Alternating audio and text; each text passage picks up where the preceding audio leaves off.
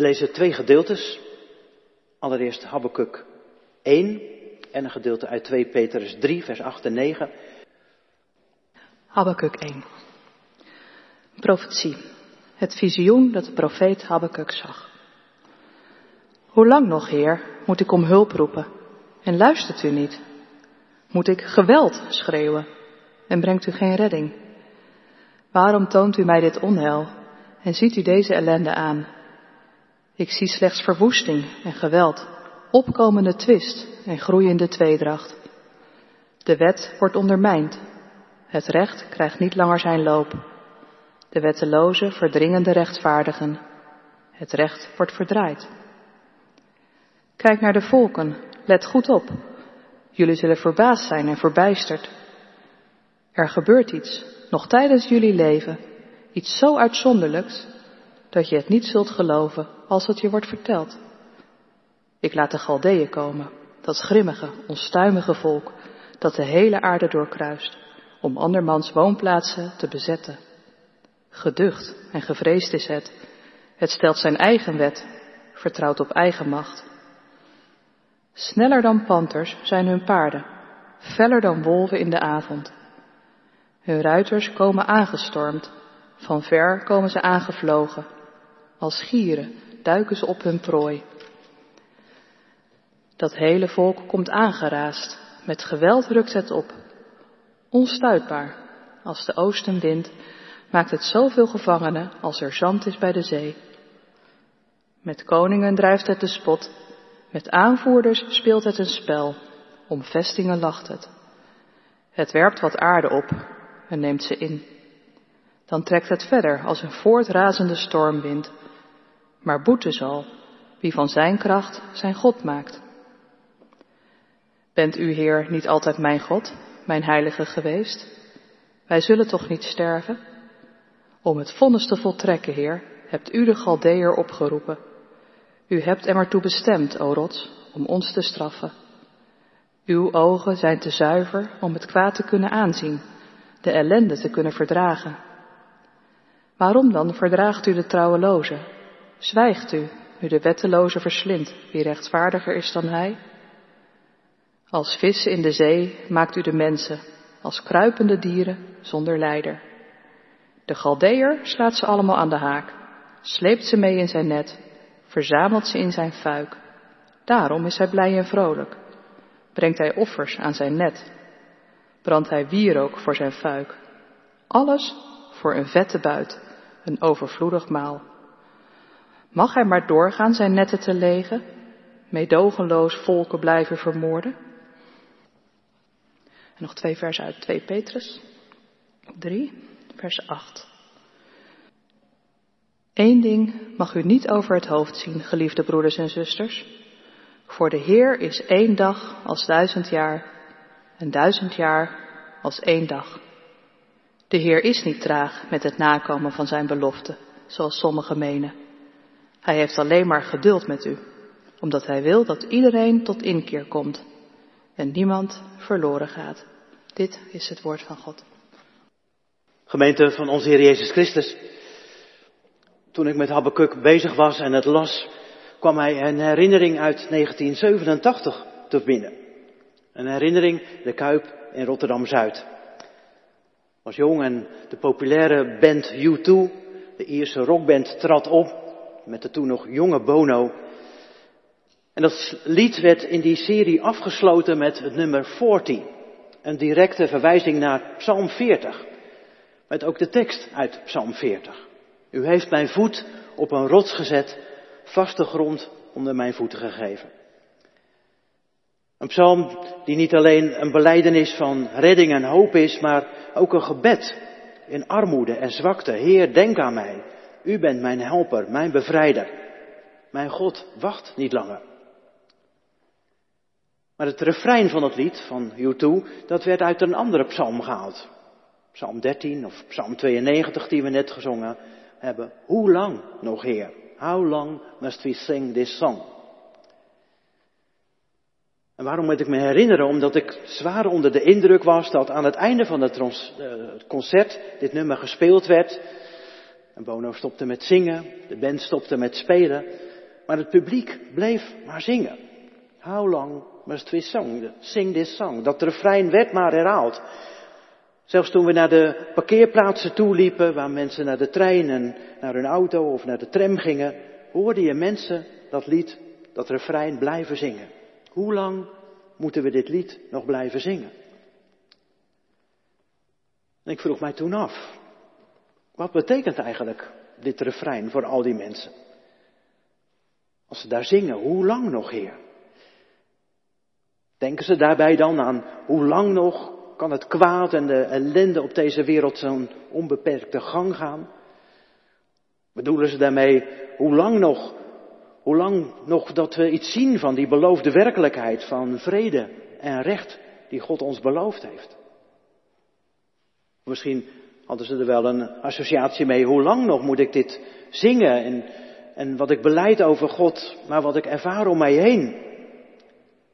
Of misschien dachten ze er helemaal niks bij. Zongen ze het.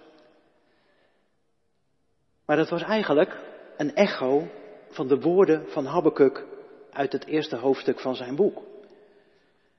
Want Habakkuk valt met deze vragen met de deur in huis. Of misschien beter de deuren van de hemel binnen. Heren, hoe lang roep ik nog om hulp en luistert u niet? Roep ik tegen uw geweld en verlost u niet? Habakkuk had wel in Rotterdam kunnen wonen. Gewoon zo direct, eerlijk, maar ook heftig begin van dit boekje. Er niet omheen praten, niet over koetjes en kalfjes van nee, hier gaat het om, hier, hier zit mijn probleem, hier zit mijn vraag. En in de tijd van Habakkuk was er ook genoeg om over wakker te liggen. Wij klagen wel over deze tijd, alle crisissen die we hebben, maar in de tijd van Habakkuk was er ook genoeg om je zorgen over te maken. Hij leefde waarschijnlijk in de tijd van Joachim, van Juda, zo'n 600 voor Christus. En dat was geen goede tijd voor Israël. En in de eerste verse van zijn boek schreeuwt Habakkuk dat ook uit naar God. Hij, hij schreeuwt eigenlijk moord en brand over zijn tijd. We nou nog even meelezen. Hoe lang nog, Heer, moet ik om hulp roepen en luistert u niet? Moet ik geweld schreeuwen en brengt u geen redding? Waarom toont u mij dit onheil en ziet u zelf de ellende aan? Ik zie slechts verwoesting en geweld, opkomende twist en groeiende tweedracht. De wet wordt ondermijnd, het recht krijgt niet langer zijn loop. De wettelozen verdringen de rechtvaardigen. Het recht wordt verdraaid. Geweld, verdeeldheid, polarisatie, onrecht, oorlog. Hij ziet het en hij ligt er wakker van. En hij komt er door in conflict met zijn geloof in God. Want dat is de aanleiding van dat kleine boekje van die drie hoofdstukken van Habakkuk. En het heeft niets aan actualiteit ingeboet, toch? Ook in onze tijd heb je toch het idee dat de wereld in brand staat. De wereld van God staat in brand. Maar wij kunnen ons ook wel eens afvragen, wat doet dat met God? Hoe gaan wij daarmee om als gelovigen, als kerk? Daarom ontmoeten we Habakkuk vanmiddag in zijn hoofdstuk, eerste hoofdstuk op twee manieren. Voluit kritisch, maar ook voluit gelovig. Best een spannende combinatie. Maar wat Habakkuk zegt en schrijft, dat is dan ook niet alledaagse taal in de Bijbel. Allereerst mogen we Habakkuk zien als voluit gelovig. Hij ziet dingen in de wereld, hij hoort dingen van God en daarmee komt hij in de knoop. Het opschrift van het boek, profetie, visioen van de profeet Habakkuk, zou ook vertaald kunnen worden met de last die de profeet Habakkuk te dragen kreeg in zijn visioen. Hij ziet de problemen van zijn tijd in alle zwaarte. Hij ligt er wakker van. Hij kan ze niet naar zich neerleggen. Maar het feit dat hij er wakker van ligt, heeft alles te maken met zijn gebedscrisis. Hij heeft heel zijn leven lang al trouw gebeden tot God om het onrecht te bezweren, maar wat levert het op? Hij zegt, hoe lang nog eer moet ik om hulp roepen en u luistert niet? Moet ik geweld tegen u schreeuwen en brengt u geen redding?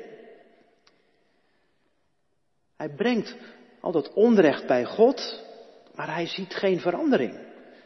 Hoe lang moet ik er nog voor bidden, Heer? Roepen, schreeuwen, roept hij tot de hemel. En daarmee vertolkt Habakkuk best wel een bijzondere stem in de Bijbel. Toen en ook van vandaag, voor vandaag. Want wie durft er eigenlijk zo te bidden tot God? Je kan zo in de knoop komen met de werkelijkheid en met God. Je kan of blijven geloven en het eigenlijk niet durven te delen, of misschien wel juist teruggefloten van ja, dat kan je niet zeggen, dat is twijfel. Of je kan het misschien wel blijven denken en geloven, maar dat niet meer in de kerk. God het nadeel geven van de twijfel en stoppen met bidden en zelfs misschien met geloven. Maar Habakkuk blijft beide verbinden. Hij wil bijna blijven verbinden. Hij wil voluit kritisch zijn en voluit gelovig. Hij wil de krant blijven lezen, maar ook de Bijbel openhouden en blijven bidden. Misschien is het vandaag de dag ook wel een goede vraag. Is er in de kerk ook wel ruimte voor mensen, profeten als Habakkuk? Is er ruimte om zo te bidden, zo te strijden met God? Ruimte om kritische vragen te stellen. Om geloofsworsteling ook te delen. Of hebben misschien heel veel kritische profeten de kerk wel verlaten omdat hun stem niet gehoord werd of zelfs misschien niet gewenst was. En het feit dat zo'n stem van Habakkuk in de Bijbel voorkomt, is voor mij ook gewoon een pleidooi dat deze kritische stem ook in de kerk mag klinken, moet klinken. Misschien zit u hier vanmiddag wel in de kerk of luistert u mee en dan denkt, ja, ik herken me wel in Habakkuk. Ik zeg dat niet altijd zo hardop, maar ik vind geloven soms ook best wel een last. Als ik kijk wat er in de wereld gebeurt, hoe is dat te rijmen met God? Als ik echt ga bidden wat ik geloof of wat ik betwijfel, dan weet ik niet of ik dat wel echt durf te zeggen tegen God. Of de Allerhoogste daar wel op zit te wachten. Zie dat u hier wel zit en dan zeg ja, ik ben wel een beetje een habbekuk. Of er zit op zijn minst een habbekuk in mij. Dan zeg ik u vanmiddag en jou blij dat je er bent. Blij dat je hier in de kerk bent. Dat je niet alleen kritisch bent, maar ook naar de kerk blijft gaan. Dat je de strijd met God aangaat. Blij dat u er bent om, omdat de kerk u en jou ook nodig heeft. Met alle vragen en alle kritische vragen. Om wakker te blijven. Want geloven is geen gesneden koek. Vrede, geloof en hoop wil het geloof ons geven, maar maar soms brengt het geloof ook nieuwe vragen. Loopt de weerbarstigheid in ons en in de wereld ook gewoon door het geloof heen? Of stelt het geloof nieuwe vragen die niet allemaal zomaar beantwoord worden? Deze vragen en deze strijd, die worden heel krachtig weerspiegeld in de psalmen. Zoals bijvoorbeeld in psalm 92 die we lazen. Fantastisch mooi hoe in psalmen lofprijzing en twijfels, hele diepe geloofsvragen en twijfel, maar ook hoge jubel bij elkaar komen. Een veel grotere breedte kun je bijna niet voorstellen. Zelfs een gemiddeld gospellied komt daar niet aan. En die kritische vraag, die mag ook in de kerk levend blijven. En we hebben mensen als Habakkuk nodig om ons geloof wakker te houden. Om het echt te houden. Ook als we misschien de neiging hebben het geloof wel eens dicht te smeren. En dat zeg ik ook tegen mezelf als predikant. Een goede preek heeft ook kritische stemmen nodig. Kritische vragen. Stemmen die we misschien in de kerk niet zo graag horen. Maar we hebben ze wel nodig om eerlijk te blijven. En uiteindelijk dichter bij God te komen. Want dat is de andere kant van Habakkuk. Habakkuk is kritisch en hij stelt de meest grote en diepe vragen, maar Habakkuk is ook voluit gelovig. Hij blijft bidden, trouw bidden. Hij blijft de hemel bestormen met zijn verlangen, zijn verlangen naar recht en vrede. Daar komt zijn ongeduld vandaan. Daar komt zijn strijd vandaan. Hoe lang nog, Heer? Daar komen zijn geloofsvragen vandaan. God, hoe kunt u het aan blijven zien? Zonder iets te doen. U bent toch een God van heiligheid? Hoe, hoe, hoe lang moet ik blijven bidden? Hoe kan ik blijven geloven? We mogen deze vragen bij God brengen en met God uitvechten. En niet zonder God. Misschien wel interessant om deze vraag ook wel eens mee te nemen. Zo mensen in uw omgeving die u kent, waar je denkt van ja, dat zijn wel de Habakkuk's die de kerk hebben verlaten. En het is wel mooi dat we in de kerk wel mogen zeggen, nou, we mogen wel meer ruimte voor Habakkuk maken. Voor zijn kritische vragen. Maar ook een Habakkuk buiten de kerk zou mogen ontdekken dat hij met die vragen niet uit de kerk hoeft te lopen. Niet hoeft te stoppen met bidden. Niet hoeft te stoppen met geloven. Maar dichter bij God kan komen om die vragen met hem op te lossen. Maar als we dan verder lezen in hoofdstuk 1, dan wordt het eigenlijk alleen maar erger, want de spanning loopt flink op. Na de eerste klacht van de profeet krijgt Habakkuk een antwoord op zijn gebed. En God spreekt tot de profeet en hij zegt, kijk goed om je heen. Ik ga iets doen. Iets uitzonderlijks. Iets wat je niet gelooft als het je, als het je, als je verteld zou worden. Ik laat de Galdeeën komen. Dat grimmige en onstuimige volk. En de versen erop schilderen een geducht volk die alles doet wat gewelddadig is, vertrouwt op eigen kracht, plundert en gevangen neemt en niet te stoppen is. Die Galileërs, of Galdeërs of die Babyloniërs, die kwamen oorspronkelijk uit de buurt van het huidige Irak. En ze waren in korte tijd uitgegroeid tot een wereldmacht. En na een gevoelige nederlaag die ze de Egyptenaren toegebracht hadden, lag voor die Galdeën de weg naar Syrië en Palestina open. En zo stonden ze in 600 voor Christus aan de grenzen van Juda en de poorten van Jeruzalem.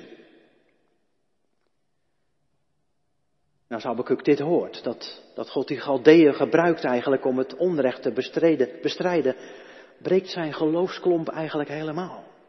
En, en hij roept het uit tot God opnieuw. En hij zegt, om het vonnis te voltrekken, Heer, hebt u de Galdeeën opgeroepen? U hebt hen ertoe bestemd, o rots, ons te straffen? Uw ogen zijn te zuiver om het kwaad te kunnen aanzien, de ellende te kunnen verdragen. Waarom verdraagt u dan deze trouweloze? Zwijgt u nu de wetteloze verslindt wie rechtvaardiger is dan hij? Habakkuk kan er niet bij. Hij, hij roept het uit tot God. Ik, ik breng onrecht bij u en vraag er wat aan te doen. En wat is uw antwoord? Nog meer onrecht. Veel groter onrecht. Van een vreed en niets ontziend volk. En u laat dat komen, verdraagt het? Hoe kunt u dat nou doen? En al zou het effect hebben, is het middel dan niet erger dan de kwaal. Habakkuk kan het niet verdragen, omdat hij gelooft. Gelooft in de heilige God, voor wie onrecht niet kan bestaan. Bent u, Heer, niet altijd geweest mijn heilige? Uw ogen zijn te zuiver om het kwaad te kunnen aanzien, de ellende te kunnen verdragen. Waarom verdraagt u? Waarom zwijgt u? En hier komen we bijna stil naast Habakkuk te staan.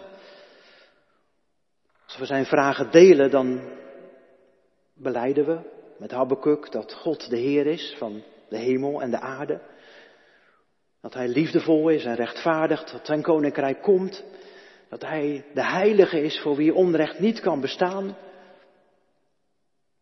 Maar tegelijkertijd bidden we, Heer, hoe lang nog? Waarom verdraagt u? Waarom zwijgt u?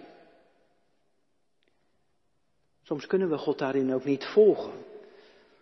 Ondanks dat we geloven dat God er is, moeten we met Habakkuk en met Jozef en met Job, met David en Paulus durven geloven dat de weg van God soms menselijk niet te volgen is. Dat Hij Heer is van de geschiedenis, geschiedenis van het volk Israël. Heer is van de geschiedenis van de mensheid, van deze aarde, van ons persoonlijk. Maar soms zien we dat ook pas achteraf. Soms ligt er in onbegrijpelijke dingen voor ons toch zegen en opening. Ik weet ook nooit dat ik een aantal jaren geleden met Kerk in Actie een reis maakte door de kerk in China. Met een aantal predikanten waren we te gast bij de kerk daar die afgelopen jaren met miljoenen mensen was gegroeid. En we hoorden daar van de geschiedenis van de kerk. Dat in 1949 alle buitenlandse zendelingen het land uitgezet waren. En toen Mao zijn culturele revolutie begon, werd de kerk het christelijk geloof helemaal verboden. En ik denk dat er heel wat in die tijd gebeden is in China. Waarom, Heer? Hoe lang nog? Jaren wisten we ook niet in het Westen of de kerk in China überhaupt nog bestond. Maar in 1980 werd er, kwam er weer ruimte voor de kerk. En groeide die kerk spectaculair met miljoenen mensen per jaar. En toen wij daar waren, hoorden wij juist dat, dat die tijd dat de zendelingen het land uitgezet werden, de Chinezen zelf voor hun kerk moesten gaan zorgen. En die tijd dat de kerk verboden werd, de tijden van Mao, waren er talloze mensen die bleven geloven, die hun Bijbel verstopten in een muur, ondanks dat ze wisten, als die ontdekt wordt, word ik gevangen gezet, of nog erger, gedood. Er waren mensen die hun leven gegeven hadden voor het evangelie. En in 1980 en de jaren daarna werden deze verhalen verteld aan de nieuwe generatie. En, al die jonge mensen die vroegen, maar waarom heb je dat gedaan? Waarom is dat geloven in God? Waarom is Jezus zo belangrijk voor je dat je alles geriskeerd hebt om dat vast te blijven houden? En mensen vertelden hun verhaal van die jaren van woestijn en vervolging. Maar het was het zaad voor de kerk en tientallen miljoenen mensen kwamen tot geloof. En toen wij daar een aantal jaren geleden ook waren, waren wij ook onder de indruk van die mensen die ja, getuigen waren van die tijd van diepe vervolging, maar ook van diep geloof. Een tijd waarin je dacht van waarom is dit nodig, werd achteraf tot zegen. Als je er middenin zit kun je dat niet zien. Maar achteraf gaat God zijn ongekende gang. Gebruikt hij periodes waar wij zeggen hoe lang nog tot zegen en later bloeit dingen, bloeien dingen op. Maar wie dat durft te geloven, die maakt het zichzelf niet makkelijk. Wie durft te blijven bidden tot deze God, zal een gebedstrijd moeten leveren. Maar wie dat durft te geloven, die zal ook een dieper geloof ontdekken. Want de weg van de God van de Bijbel naar recht en vrede, naar zijn koninkrijk, is een weg die voor ons niet te grijpen of te begrijpen is. Het is een weg dwars door de weerbarstigheid van het leven zelf. Een weerbarstigheid vol onrecht, vol geweld, smaad en een onschuldige dood. En waar werd dat dieper voelbaar en zichtbaar daar rond het kruis van Jezus? Daar gebeurden dingen die we niet hadden geloofd als het ons niet was gezegd. God deed daar iets uitzonderlijks. Om recht te vinden, liet hij het onrecht onbeteugeld toe. God zweeg. God verdroeg. En zelf Jezus werd een Habakkuk en riep uit, waarom? Toch mogen we geloven dat daar de weg van God naar de toekomst ligt. Daar wordt de weg naar de koninkrijk van God gebaand. Breekt het licht van recht en vrede rond het kruis door. Als wij vanmiddag zo stilstaan bij Habakkuk, dan staan we ook gewoon stil bij die onpeilbaarheid van het geloof, bij die grote vragen van deze tijd. Maar ook bij het gewicht van het geloof in God daarbij. Is het een worsteling voor ons? Roept het vragen op, ongeduld? Nou, misschien is dat alleen maar mooi. Vergeet nooit dat, dat een vrouw in mijn vorige gemeente in Amersfoort echt, die had het heel goed, had alles wat ze de wens had, maar ze stond soms bij de uitgang naar de dienst met tranen in haar ogen, keek ze me aan en zei, Hans, heb je gisteren het nieuws gezien? En met name leed van kinderen raakte haar heel diep en Ze wilde geloven, maar ze leed ook zo diep aan het onrecht in deze wereld. Ook van jonge generaties. Zijn wij ook een generatie in de kerk die naast Habakkuk durft te gaan staan? Een generatie die naar ze om zich heen kijkt. En echt oprecht leidt aan onrecht en geweld in deze wereld. En niet alleen maar aan het onrecht dichtbij of ellende als het onze portemonnee of onze levenscomfort raakt. Nee, de generatie die ook leidt aan het onrecht ver weg en wat niet altijd zichtbaar is of in onze nieuwsapp naar voren komt. Maar zijn wij ook een generatie die blijft zingen, net als die bezoekers naar dat concert van U2? Hoe lang nog, Heer, moeten we dit lied blijven zingen? Zijn wij een generatie die blijft zingen en wij blijft bidden? Hoe lang nog, Heer? Waarom? Maar zijn wij ook een generatie die vast blijft houden aan geloof en de God die leeft, die Heer is, die trouw is aan zijn woord, ook vandaag, ook als wij zingen, hoe lang nog Heer? Amen.